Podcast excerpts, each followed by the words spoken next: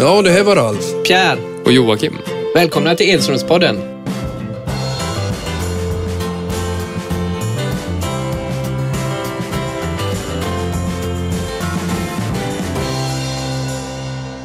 Hej och välkomna till Edströmspodden. Idag ska vi prata lite upplösningen i, i, i fotbolls, eh, både allsvenska, men det är ju flera serier vi har att, att följa också. Eh, vi har en gäst som kommer hit som har spelat i alla tre alliansklubbar i Göteborg. Han har 350 allsvenska matcher och var 41 år när han tog SM-guld. Det kan ni klura på vem det är. Eh, men vi börjar med några grattis eh, pappa. Det är ju i superettan så ska vi ju gratulera, gratulera några lag. Ja, det tycker jag definitivt. Eh, Jönköping då efter 46 år är tillbaka i Allsvenskan och har gjort en bra säsong. Sen tycker jag det är imponerande av Öster, Östersunds FK. Det är en eh, sammanslagning av IFK Östersund och OP så sent som 1996. Så det är kul med nya lag kommer upp tycker jag. Ja, det är ju fantastiskt. Eh, första gången i Allsvenskan för Östersund. Det, det, är stort och, och visionen och de sticker inte under stolen men går ut och säger direkt att de ska vinna Allsvenskan. Är det naivt?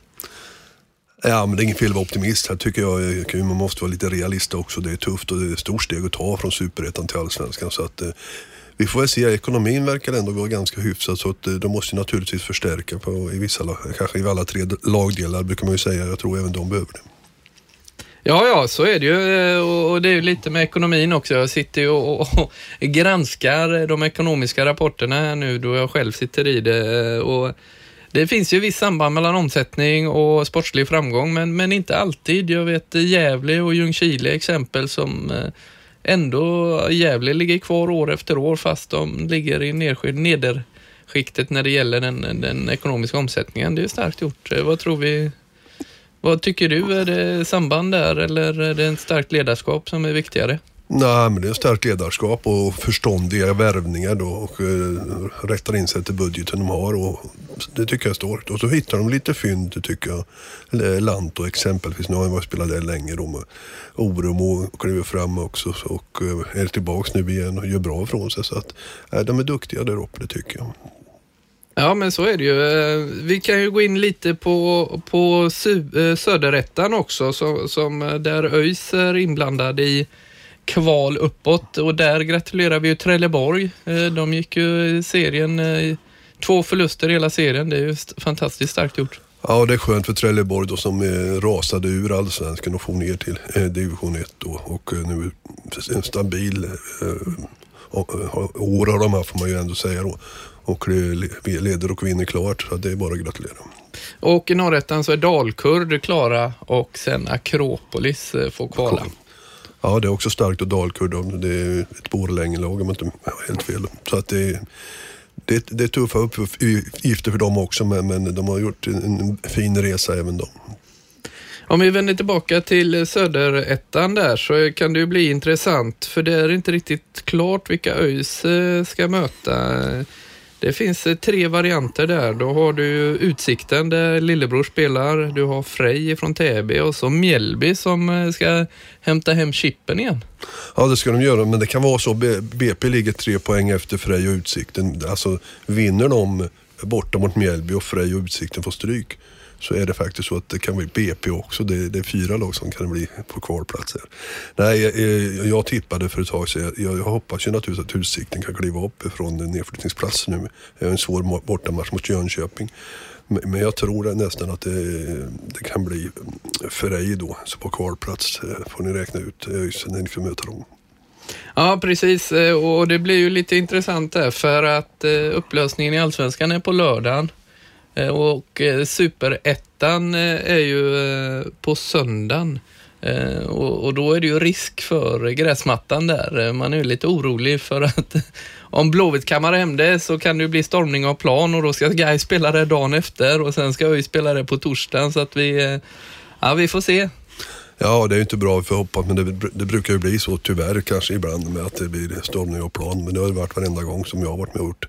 Bland annat kommer jag ihåg när Kalmar då som möter Blåvitt rusade in och vann guldet då mot Halmstad. Så att eh, det, du får nog räkna med att plan blir ganska förstörd. Ja, nej, vi, vi eh, hoppas ju på det bästa där, men vi har förberett oss väl i ÖIS så att vi har faktiskt redan börjat träna på Stora Ullevi för att, för att känna av det. Men det blir ju lite tomt, eh, inte riktigt eh, samma känsla att få, få spela där i en sån viktig match som det är för oss, eh, en kvalmatch. Nej, men underlaget har ju betydelse och det vet man ju då. Man snackar ju i Sverige om att eh, vi ska inte gå från, över från höst till vår. För, eh, det kommer nog inte funka. Men det skulle vara ganska bra ändå om man tittar då på, eh, man tillrättalägger allsvenskan med de internationella ligorna då. När det gäller Champions League-kval och så vidare och övergångar och så vidare. Så att, men, men det sitter långt inne för att Sverige ska byta till ett sånt spel. Ja, nej, det, det är ju det som man kollar på och därför blir ju den här hösten eh, så spännande. Det är ju nu det engagerar och det är nu hela upplösningen sker. Så att eh, vi sitter som på nålar många här i, i, i fotbollssverige. Hur, hur, eh, är det några minnen du har från eh, din tid, eh, spännande upplösningar? Ja, jag kan ta... Eh, jag har ju varit med och vunnit ganska mycket så jag har haft väldigt tur i, i min karriär. Men det, mest eh, dramatiska var väl eh, när vi hade sista matchen i Monaco. Vi spelade hemma mot Strasbourg. Och vi spelade vi kryss och Sankt Etienne vart mot- man mot Metz med fem års skillnad. Då hade de, vann de titeln då. Vi märkte ju ganska tidigt i matchen mot Strasbourg att de höll, försökte hålla 0-0 då. Eh, och, eh, men Barbaris, våran schweizare, gjorde 1-0 i 71 minuten som tur var. För, med, däremot eh, tycker jag det är bedrövligt och, och, och att Sankt Etienne då med, med, möter det försvarsstarkaste laget. De var tvungna att vinna med fem års skillnad. De, de vann med 9-2. Och det känns ju lite, lite märkligt måste jag säga. Man kan ju prata med Strasbourg som vi mötte att de ska kämpa för att hålla ta en poäng. Men man kan aldrig snacka om att motståndarna ska lägga sig. Vi såg bilder efter också där de halkade i kull och det var ju massa konstigheter hela tiden. Och eh, mittbacken i Mau hette han, han vart värvad till Sankt Etienne året efteråt. Men de franska tidningarna skrev ingenting om att det var någon muta eller något liknande utan de sa att Sankt Etienne gjorde en fantastiskt bra match. Det är ju så i Frankrike att eh, fransmännen vill inte att Monaco ska vinna ligan. För Monaco är ett eget land ju. Så det, det, det, det var den mest dramatiska jag varit med om och eh, som tur var så var med den matchen. Ja, det var ju tur det och, och det är klart det kan bli lite så i slutomgångarna för vissa lag har, har inte så mycket att spela för och, och vill kanske spara spelare. Det finns lite politik i efter säsongen också, tränaren eh, och vilka man ska behålla inför nästa säsong och sådär. Vad tror du om årets eh, avslutning här i Allsvenskan? Det, det är ju, Högdramatiskt. det är ju högdramatiskt och, och, och finns det några sådana tankar i, i de andra lagen? Nej, det hoppas jag väl inte att det gör. Eh, Jag tror inte Malmö. De har en möjlighet att nå en fjärde plats också och den fjärde platsen kan visa sig vara viktig för att vinner någon av AIK, eh, IFK Göteborg och Norrköping kuppen så kan det vara att in, kan de kliva in i eh, kval till eh, Euroleague, Malmö. Och plus att det är inte, inte sista hemmamatchen för dem, det är sista matchen i alla fall i Allsvenskan. De har ju så vidare Champions League också. Så att, jag säger fördel IFK Göteborg, men det blir inte enkelt. Men eh, jag tycker det. Och att de tog AIK tycker jag var väldigt strångt gjort. Vinna med 2-1 verkligen press på sig och vann helt rättvist. Och Gustav Engvall i storslag. Eh, jag var lite bekymrad då eh, för IFKs del då mot Djurgården borta. De går bort första halvlek och var inte med i matchen. Sen i andra gör de en bra och åker på en straff när det är sex minuter kvar. Men då bytte han ju ut, Lennartsson bytte ut Eng, Engvall och det, han var ju irriterad, det såg man ju på honom då. Och jag har full förståelse för att eh, var det någon som var het i den matchen så var det ju faktiskt Gustav Engvall. Det visade han sig ju senare också mot AIK att även i U-landslaget har gjort bra ifrån sig. Ja, det måste ju varit oerhört skönt för Blåvitt att att ta den här skalpen för det har ju legat och gnagt sedan 2009 hemma på Ullevi. Eh, när de tappade guldet där i sista omgången. Det, Ja, Daniel Tjärnström avgjorde. ja. Så att, eh, nej, det är klart det känns. Och det är ju alltid rivaliteten mellan AIK och Göteborg har ju alltid varit tuff naturligtvis.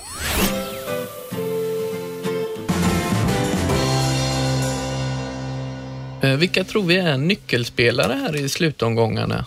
Eh, ja, det finns ju många naturligtvis, men jag tycker ju alltid att det, det, det gäller för målvakten att hålla nerverna styra. Mito Nilsson i Norrköping och, och John Alvbåge i Göteborg eh, som är viktiga naturligtvis. Och tittar man då på Blåvitts säsong så, så har det ju ändå varit lite skakigt kan man väl säga senaste tiden. De släppte två mot, mot eh, Sundsvall, Halmstad ett, två mot eh, Djurgården. De släpper in mycket mer mål nu den senaste matchen de har gjort tidigare i år. Eh, Mittom Nilsson är en duktig målvakt men jag tror det hänger mycket, är det naturligtvis, nu får de tillbaka Emil Kujovic i Norrköping.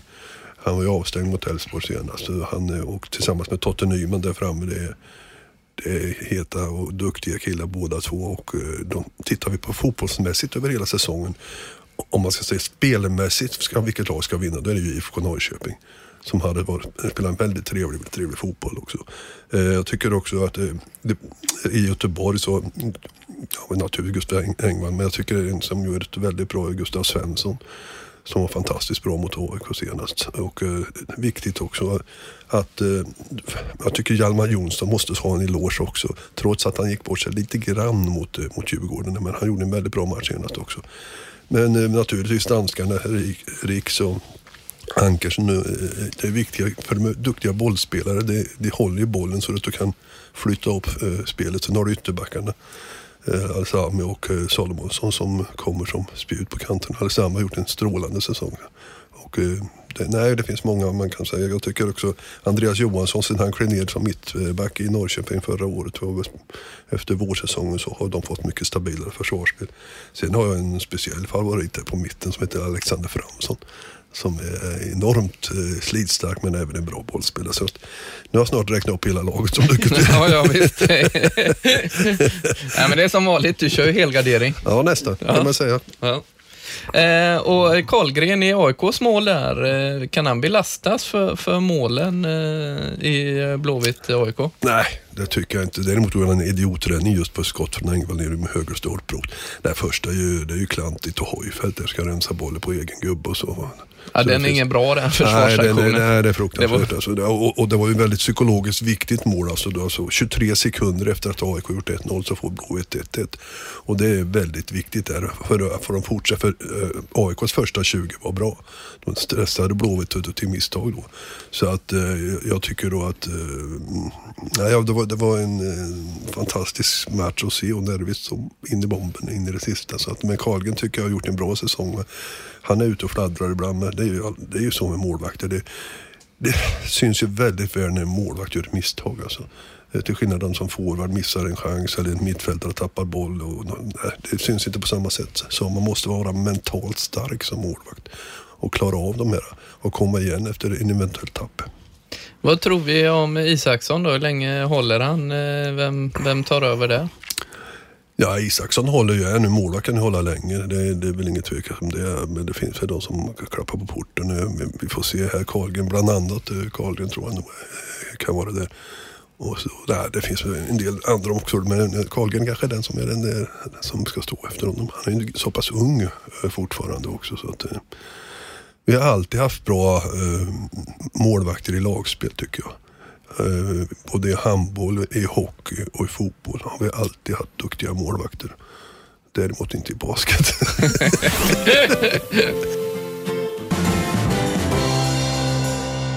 Eh, dagens gäst eh, började i Hanhals. Sen gick han till Gais, Brage, ÖIS, Teneriffa, Blåvitt, Töle, Fredriksson, Moss och ÖIS igen. Och nu Älvängen då. Han vann eh, SM-guld som 41-åring, spelade över 350 allsvenska matcher och var med i Sveriges A-landslag. Varmt välkommen Bengt Andersson. Tack så jättemycket. Du var med i alla tre alliansklubbarna. Vilka håller du på?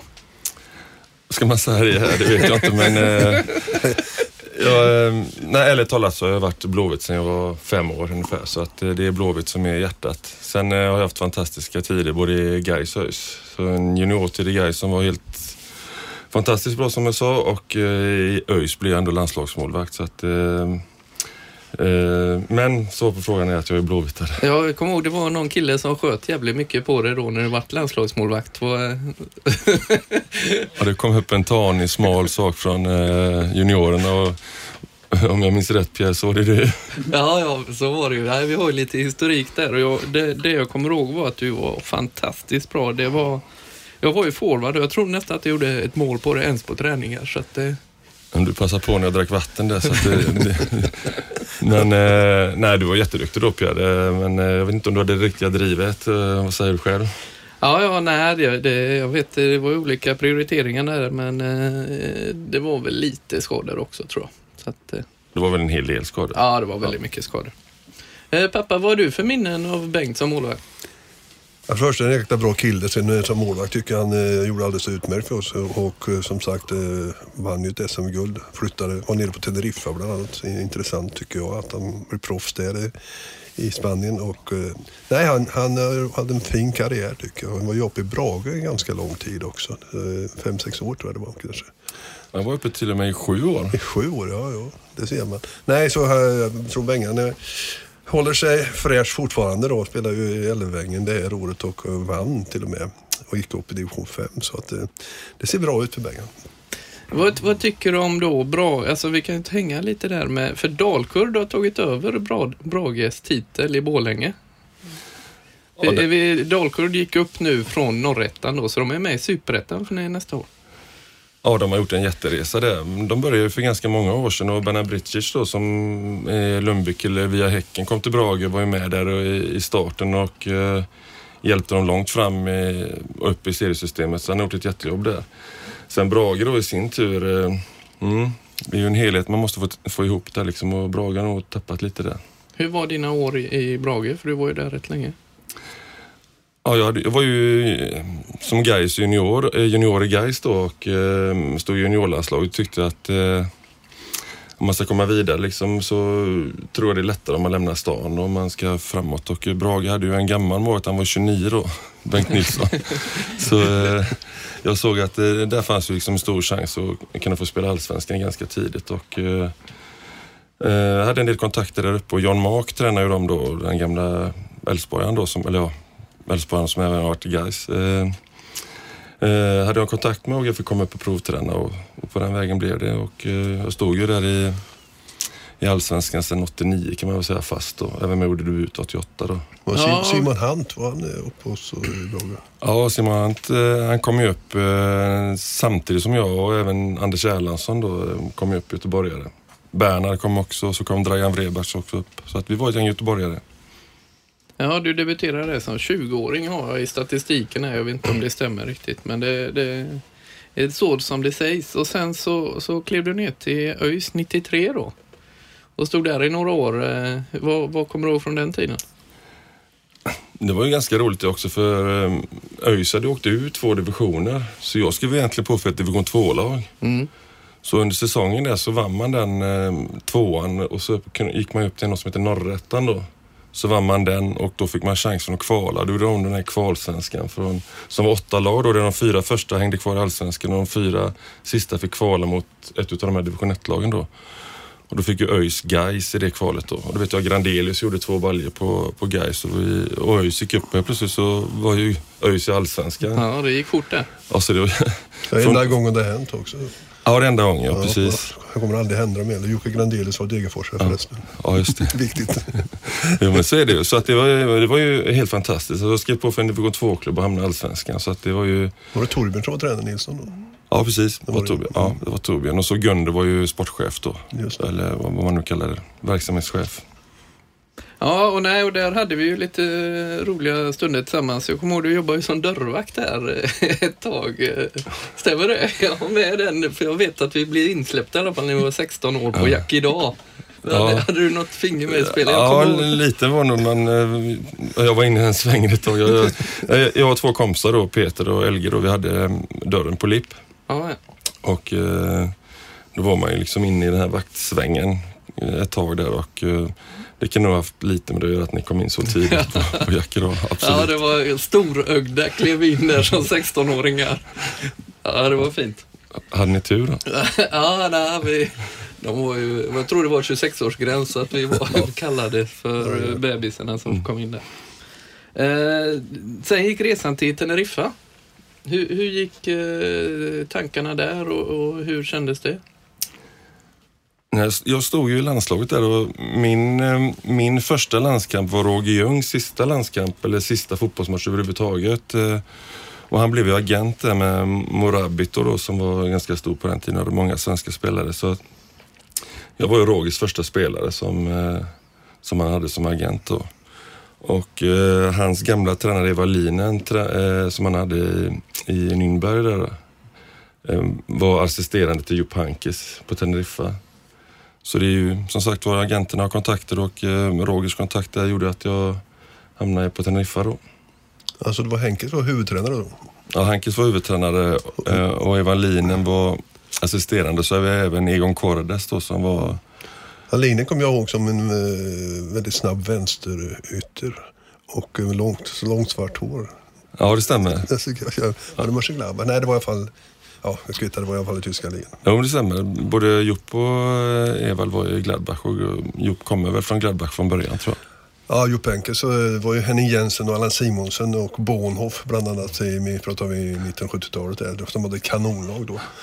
Och Allan Simonsen gick ju sedermera till Barcelona och Henning Jensen gick väl till Real Madrid om jag inte missminner mig.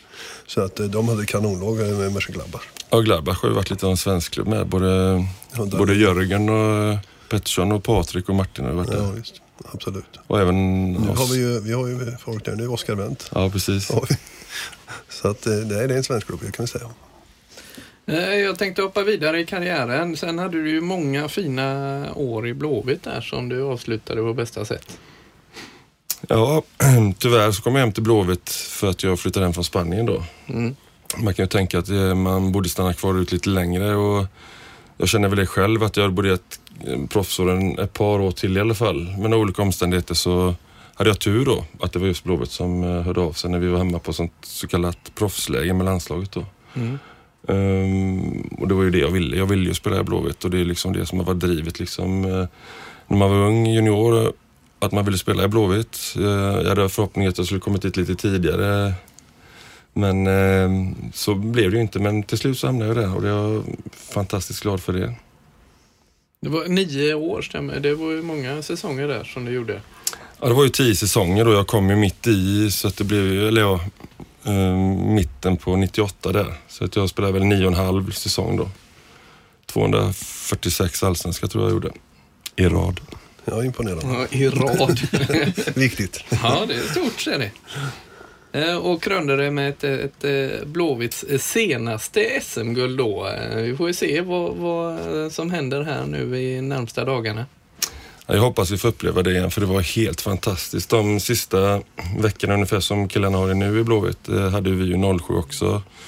Där vi inte förlorade på de sista 14 och de sista fem höll vi nollan och AIK-matchen nu var ju en liten repris på 07. Mm. Mm. Då vann vi ju ännu mer marginellt så att säga. Det var en boll som bjärsade över, den var fem centimeter inne eller något och det var diskussion om det målet men det var ju det som liksom bäddade för det och så eh, att vi gick hela vägen med den eh, avslutning mot Trelleborg på Nya Ullevi då. Ja, det, måste, det är ju stort i, i blåvita ögon eh, och, och fått den och, och kröna dig då eh, som 41-åring med ett SM-guld och där trodde man att du skulle sluta, men så blev det inte. Nej, hade jag vetat lite mer eh, och haft facit lite tidigare så hade jag inte slutat i Blåvitt utan då hade jag kört på ett par år till. Absolut.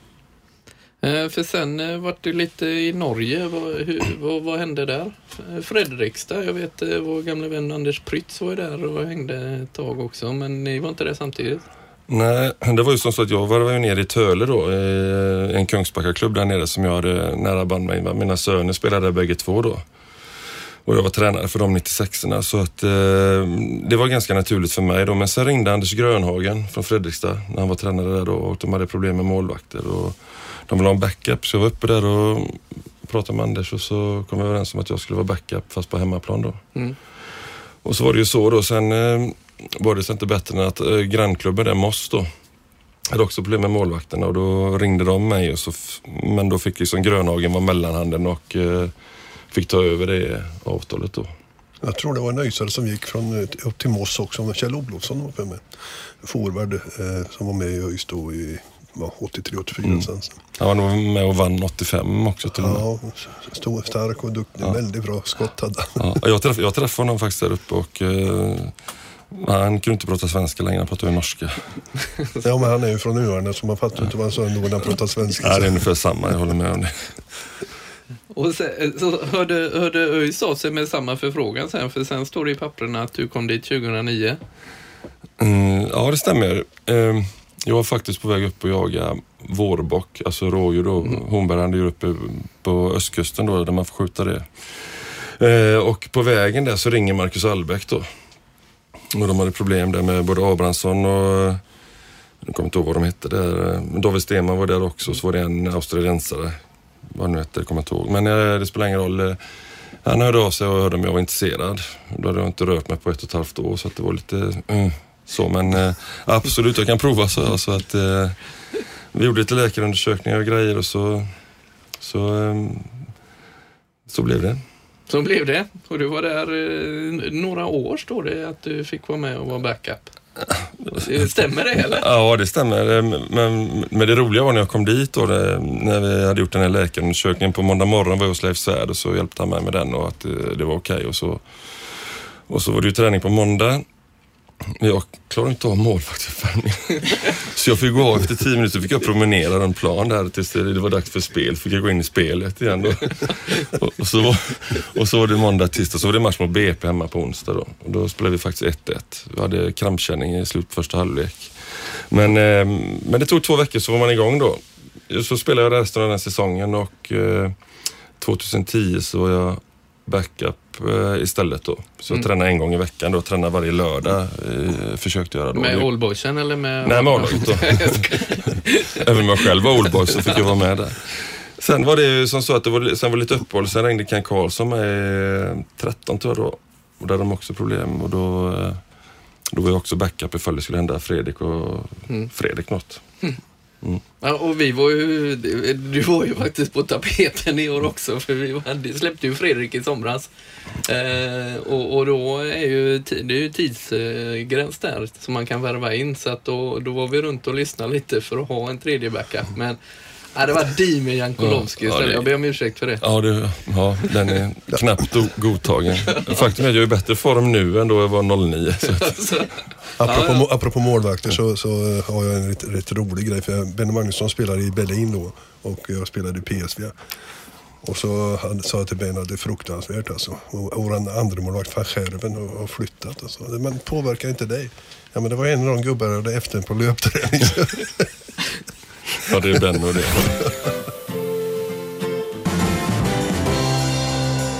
Vi har ju några minnesvärda intervjuer med dig. Jag vet inte om du känns vid. Det är ju någon med när du ligger i ett badkar där som sänds på Sportnytt som jag tycker är väldigt intressant. Den sitter ju...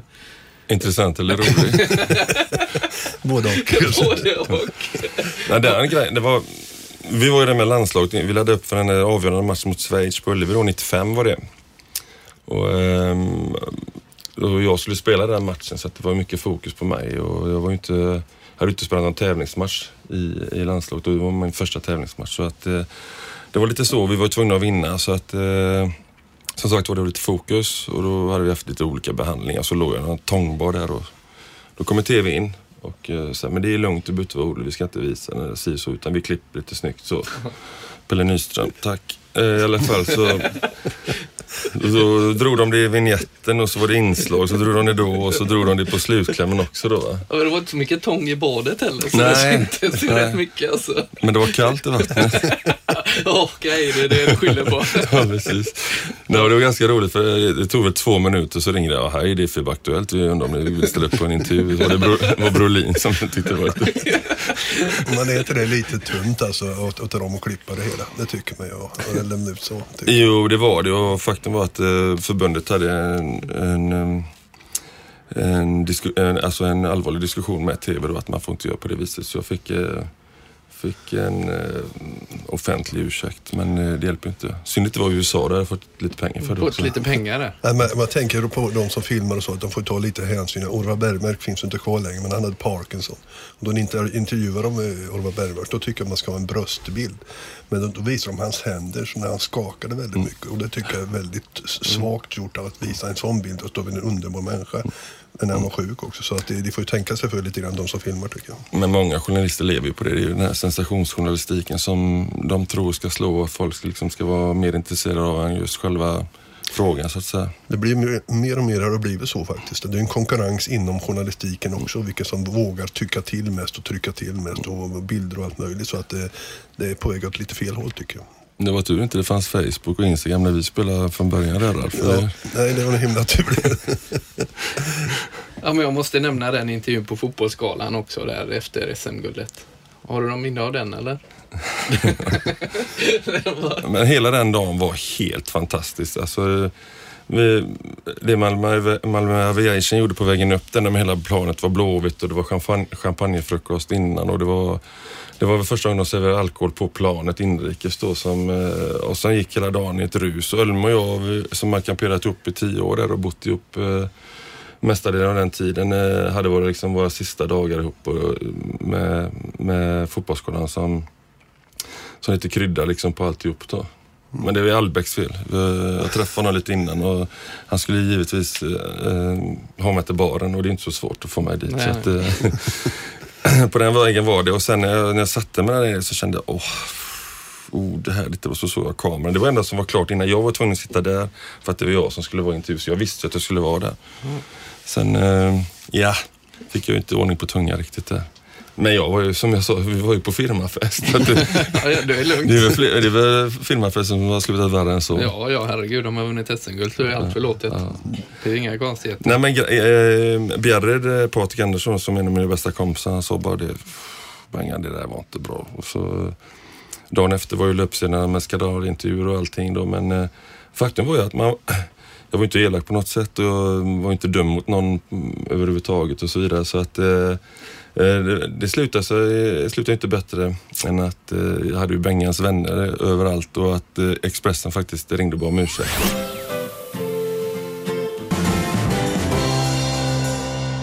Vi tänkte glida över lite till målvaktssnack här och även inför avslutande i allsvenskan här.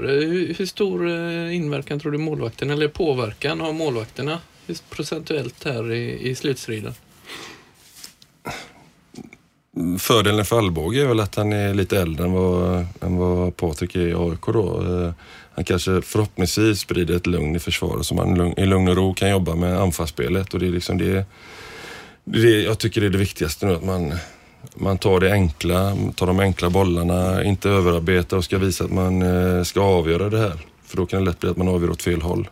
Så att hålla sig lugn och ro och sprida säkerhet och lugn och ro till försvararna och nu är Bjärsmyr lite äldre än vad han var 07 så att, mm. eh, han håller ihop det väldigt bra där bak. Ihop med mm. Hjalmar då som har fått en nytändning och eh, toppar sin form perfekt. Så att, eh, det ser bra ut för Blåvitt. Jag hoppas att det håller, att de håller ihop det.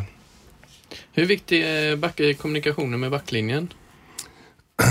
För mig själv då, så de sista fem åren när man inte är liksom hypersnabb då, om man ska jämföra sig själv med med Karlgren då i AIK då som är ung kille, spänstig och snabb som den, så var man ju inte själv riktigt där utan man var ju eh, mer i behov av att ha ett ännu större, en ännu större kommunikation med försvaret liksom och kanske avstyr eh, 75 procent av allting med ett bra snack och en bra kommunikation med försvaret. Att de står rätt och tar bort de flesta bollarna. Och det, det var väl min styrka de sista åren, att jag hade en kadaverdisciplin på mina försvarare får man väl säga.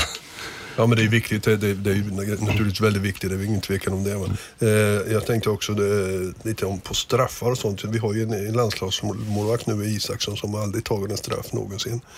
Eh, hur diskuterar man det? Det, är ju en mental bit, eller psykologi, eh, när man står i målet och du har en kille som mm. ska gå fram och slå en straff. Då. Eh, för mig har det varit som så, i och med att jag har spelat handboll väldigt mycket och eh, eh med Heim då när Claes Hellingen stod där. Han hade ju ett kartotek som var enormt. På, han hade ju varenda skytt i hela världen och han hade vad de sköt, både straffar då och det var det jag menar.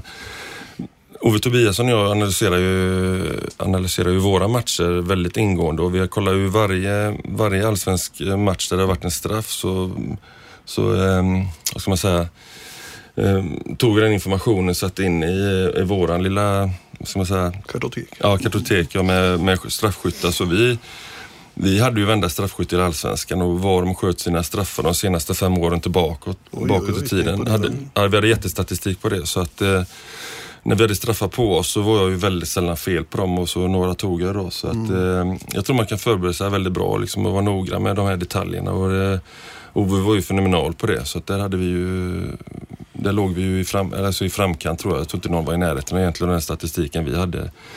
Så eh, där, där kan man ha stor hjälp om man eh, vill göra jobbet. Ja, jag tror nog det är ganska intressant att, få målvakter att lyssna på det här du säger nu för att eh, jag tror inte det är så många målvakter som gör så idag. Det har svårt att tänka mig. Jag tycker inte att de tar så mycket straff. Nej men alla, alla fasta situationer. Vi hade ju, var, till, om vi tar AIK då till exempel då, eh, eller nu sista matchen vi tar Kalmar då. Då hade vi ju hur Kalmar slog sina hörner inåt, utåt, var de kom flest gånger från höger och vänster. Hade de frispark utanför så sköt han, han eller han, vänsterfot, högerfot. Vad skjuter han helst? Höger eller vänster?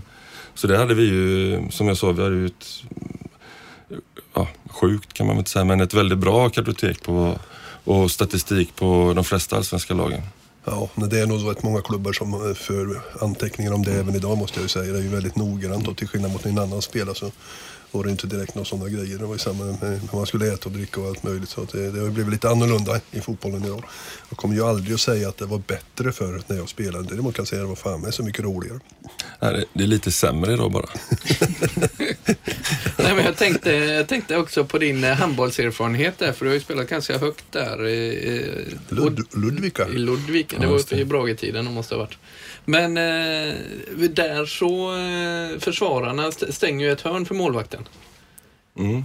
Är det något som har kommit upp i fotbollen? Ja, absolut. Vi, ja, absolut. Så, eh, började väl med egentligen det när jag...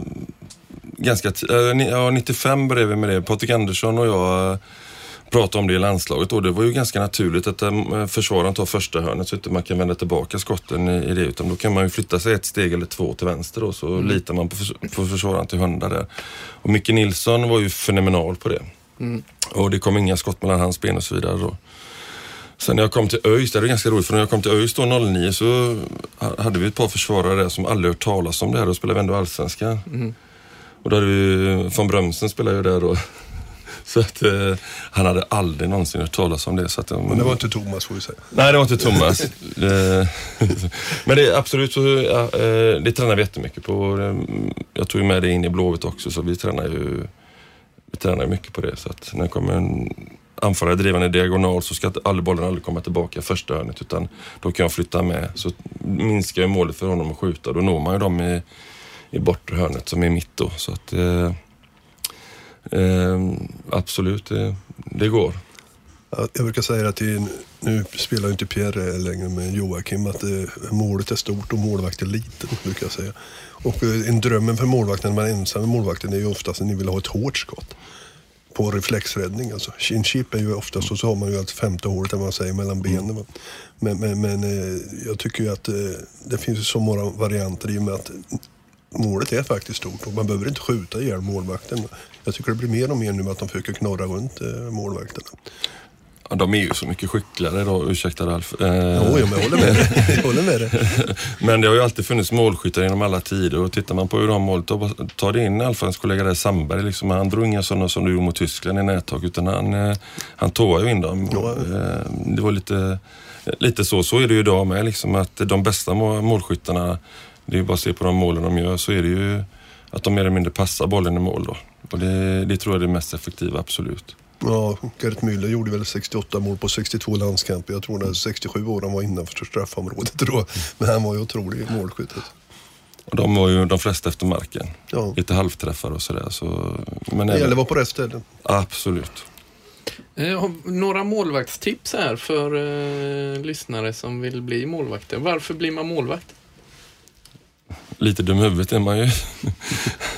Men du var bra ute Nej, ja, men det... ja, jag, jag började stå mål när jag var 15, 16 mm. år var jag väl riktigt första året då när jag stod bara målvakt. Då, så att, nej, men det är, ju, det är ju en viss typ av spelare och när man är liten och ska bli målvakt så så är det ju, alltså pressen är ju ganska stor och när man är liten, 7, 8, 10, 12 där någonstans och man släpper in ett mål, men då, är, då är hela laget och alla föräldrar runt omkring och de som tittar, de, då vänder de sig om och så står de och tittar på målvakten och det är inte riktigt alla som klarar av det. Så det, det är ju en, det är en ganska press, en stor press på en eh, när man står i mål redan som liten. Och man behöver nog vara på ett visst sätt. Inte dum i huvudet kanske som jag sa, det var lite skämt. Men eh, man får vara lite speciell i alla fall för att klara av det. Jag har ju märkt en stor skillnad. Min son är ju hockeymålvakt då och där är det ju mycket mer stöttning. Alltså de får alltid en klapp på benskyddet om de släpper in någon eller kom igen och man mm. står upp för målvakten. Om det är någon som går på en målvakt så är hela laget där och plockar undan. Det är inte riktigt samma i, i fotbollen kan jag tycka. Nej, det är sant. Samt, jag, mina bägge, min 00 har för övrigt upp och spelar TV-pucken nu i Örnsköldsvik. De slog Västmanland igår med 4-3. Jag bara säger det. De möter Medelpad nu ja, 40-tal. Ja. Eh, nej, men eh, sen kan man vända på det i hockeyn då. Där åker man ju fram och klappar eh, även när det inte är målvaktens fel. Mm. Och det vill ju många målvakter inte ha. Fan, det, nu åker de och klappar på mig precis som det är mitt fel och det vill man ju inte heller Nej. heller ha. Så att det, men eh, hockeyn är mycket bättre, absolut. Och, men det är mycket närmare och det är mycket tajtare och det är fler avblåsningar och sådär. Så att eh, där, är, där är man nog eh, mer noga med sin målvakt. För han betyder så otroligt mycket i hockeyn. Även om han betyder mycket i fotbollen också så är det, så är det nog extremt i hockeyn. Jag tänkte på lite målvaktsgrejer. Om en målvakt gör en jätteräddning upp i ena krysset, törsar du bort till en hörna och domaren dömer inspark. Det är väl en mardröm för en målvakt som gör en jätteräddning. Så... Ja, men man, man, kan ju vara smart då. Eller så kan man göra så Ravelli och ta, påtala domaren att jag var på den och så får de ha hörna ändå. Så, att, eh, eh så, så eh, då blir man uppmärksammad också. Så att, eh, det, nej, det, är, det är klart att eh, antingen vill man ju ha eh, eh, rosen då. Och då, då vill man gärna att folk ska se det, eh, att man räddar då. Men eh, eh, ser man till lagets bästa och, sit, och får slippa en hörna på sig, för det kan vara ganska jobbigt beroende på vilken man möter då, så vill man ju helst inte att han ska blåsa hörna, utan då tar jag gärna en inspark. Jag kommer ihåg att du alltid sparkade upp en sån jättetorva när, när du skulle göra inspark. Du satte hälen i så du förstörde. Pegga upp, Pegga upp den ordentligt. Där. Det var, var, var det några andra grejer du hade för dig eh, innan match? Man, man säger ju att målvakter oftast har, är, är väldigt eh, Ja, men de har, de har eh, Ritualer. Ritualer. Ja, sätta på sig benskydden ja. eller gå ut sist eller gå ut först. Eller, det finns ju massor av olika grejer. Det har ändrats mycket, men jag har ju kortat ner det sen jag var junior för då var det lite jobbigt ett tag. Men det som alltid har följt med det är ju att man, som du säger nu, vänster, vänster sko, vänster benskydd, vänster handske alltid på först. Eh, så har det alltid varit. Och sen har jag haft en sån ritual när vi har gjort mål och den har jag inte släppt på sen jag stod mål först. När vi gör mål, mitt lag i mål, då så springer jag bakåt så vänder jag på femmetern då, eller eh, målavrosen. Så, så gör jag sex hoppsansteg bakåt och så slår jag tre gånger ribban med höger och sen med vänster. Så klappar jag tre gånger händerna så slår jag i stolpen så dricker jag. Det har jag gjort varje gång.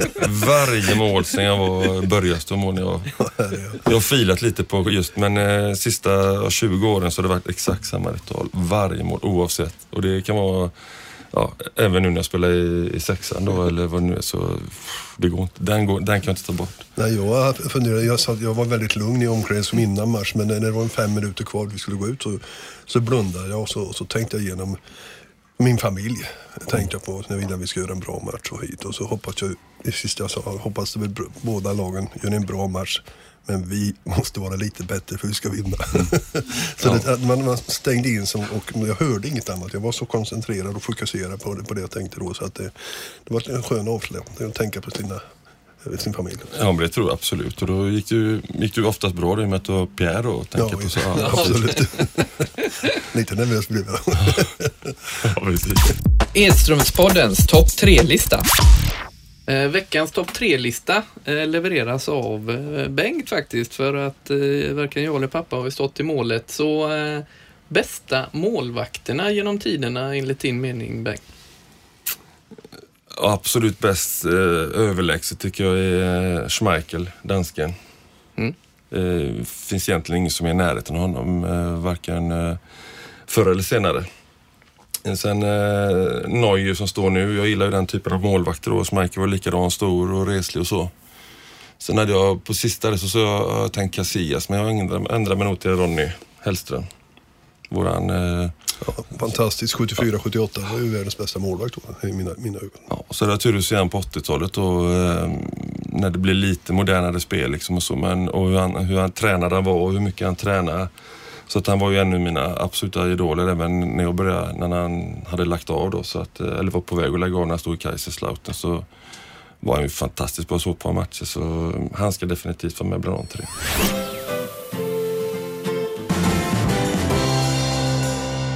Då ser vi fram emot den eh, avslutande helgen här i, i både Allsvenskan och, och eh, Superettan.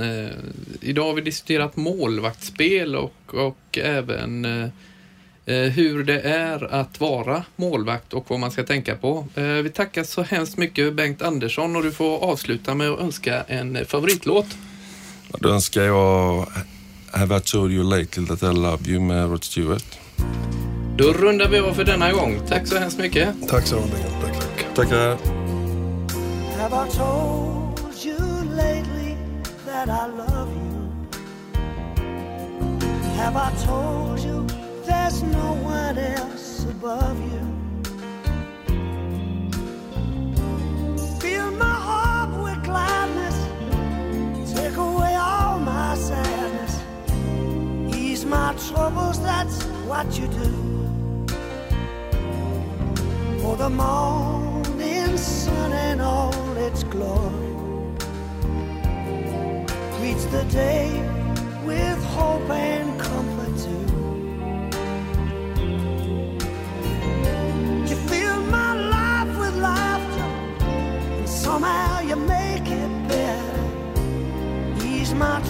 That's what you do.